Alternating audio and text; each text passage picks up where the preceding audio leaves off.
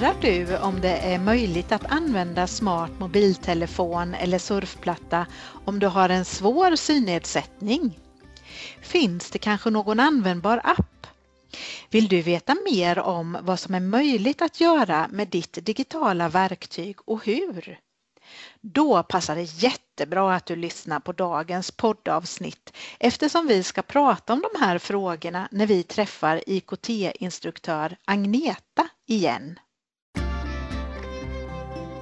Välkommen till podden Synsätt och dagens avsnitt nummer 44. I den här podden pratar vi om att det finns flera sätt att se på saker, att synen är olika och att ens synsätt kan variera. Vi vill att podden ska ge dig kunskap på ett lättillgängligt sätt.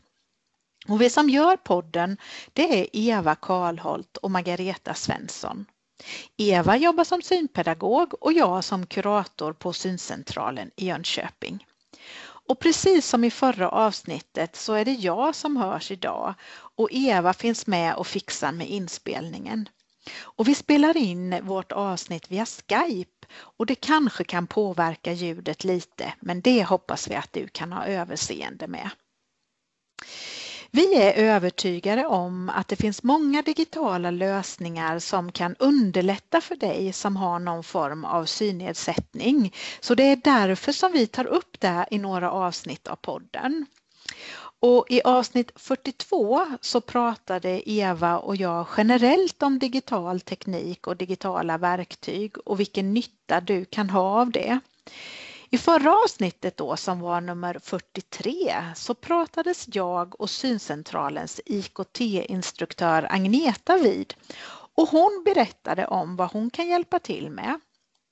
Och vi pratade också om en påhittad person som vi kallade Rut och på vilket sätt hon skulle kunna ha nytta av sin smarta mobiltelefon samt vilken hjälp som hon kunde få via Agneta. Och vi tänkte oss att Rut hade en måttlig synnedsättning. Och idag så ska vi prata om hur den digitala tekniken kan vara till hjälp för en person som har en svår synnedsättning. Agneta, välkommen tillbaka. Vad kul att ha med dig en gång till. Mm, tack, roligt att få vara med igen. Vi kan väl börja med att du eh, presenterar dig för det kanske inte är alla som har lyssnat på förra avsnittet. Jo, men visst.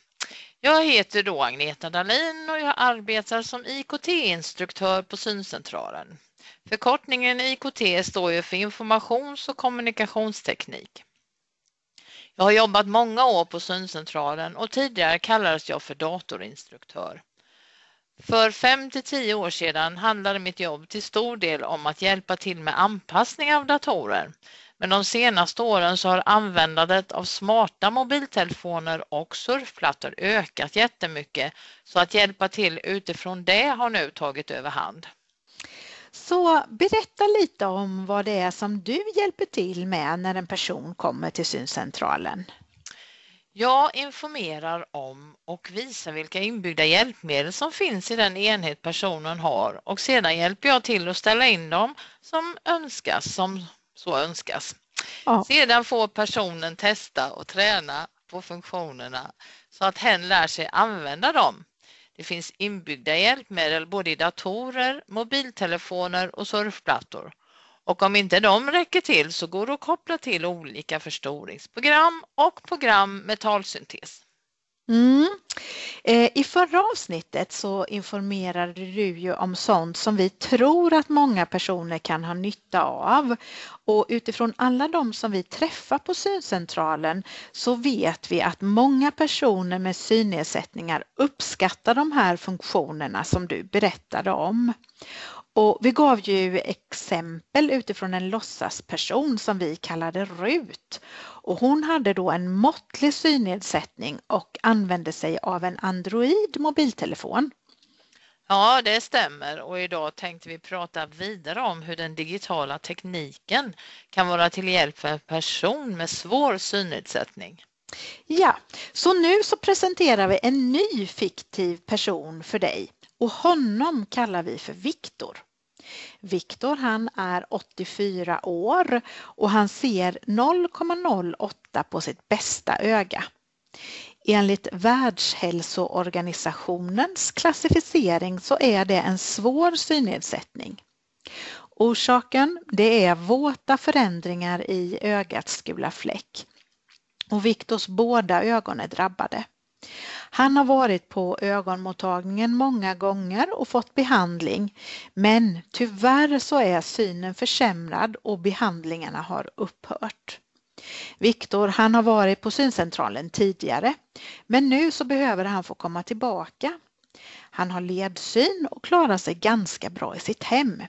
Men det är dock värre för honom när det gäller att använda sin smarta mobiltelefon och surfplatta. Och Viktor han har en iPhone och en iPad.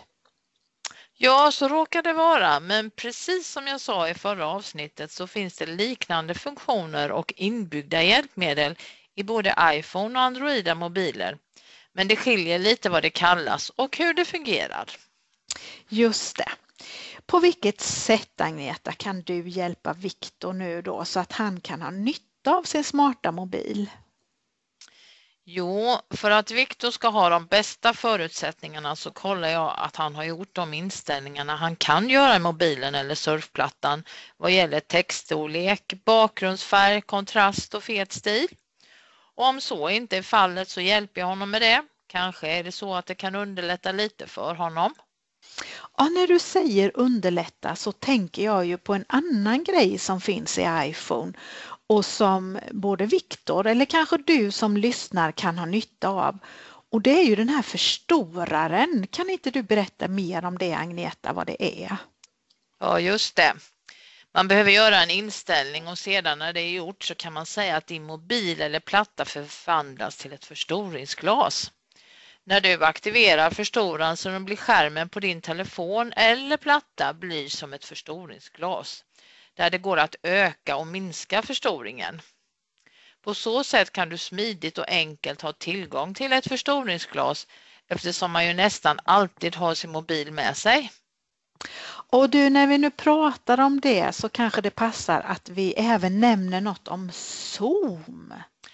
Ja, det kan jag passa på att berätta om, både för dig som lyssnar och för Viktor.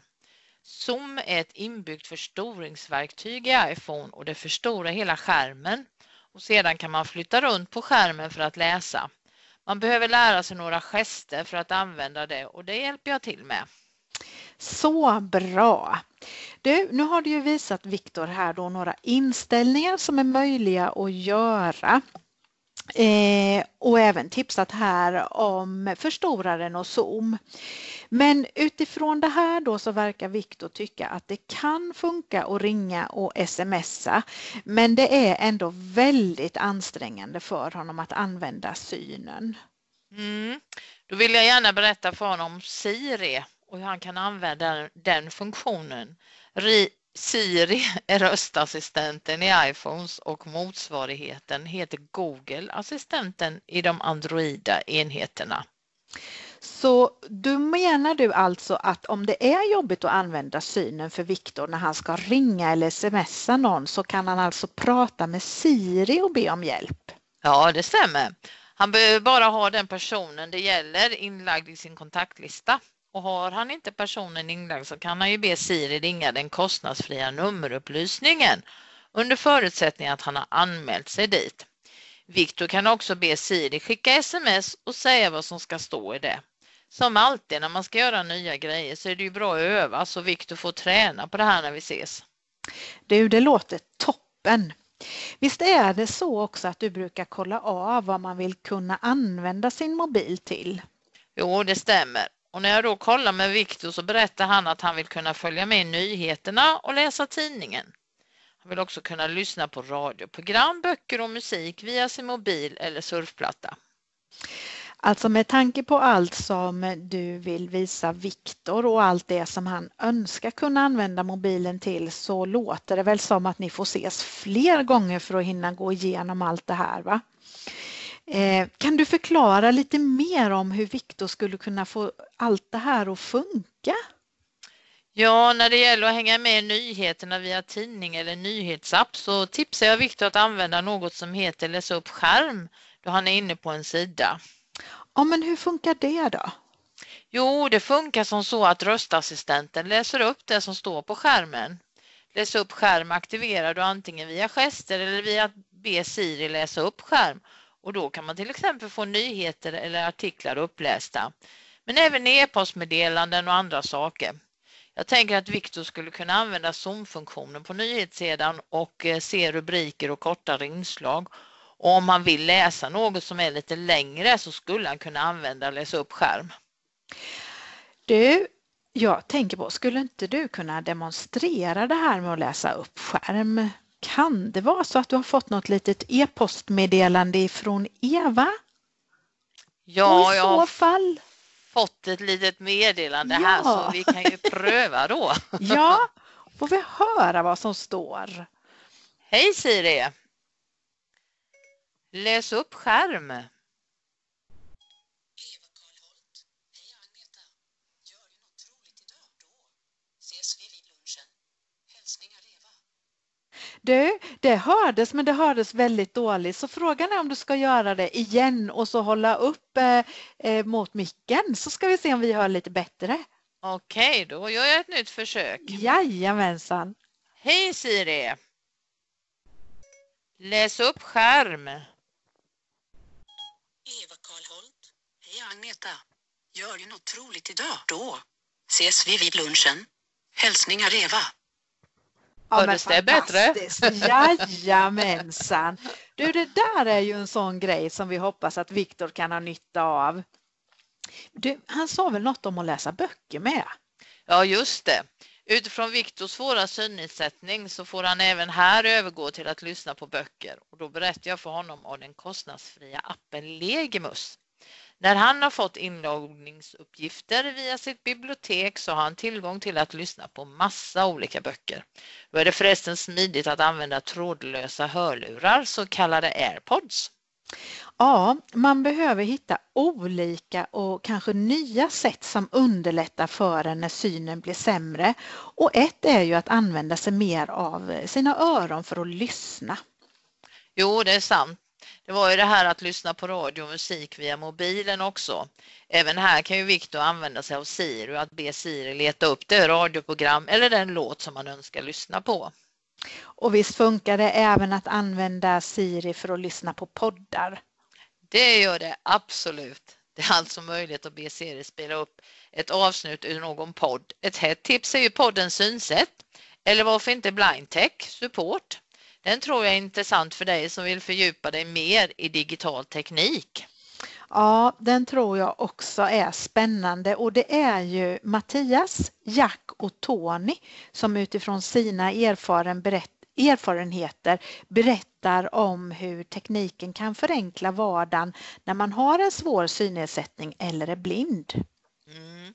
Jag kom på att jag gärna vill nämna en sak till. Om man ser sämre än Viktor eller kanske är blind så behöver man ju veta mer om vad som händer på skärmen på en mobil eller surfplatta och då kan man använda sig av voice-over.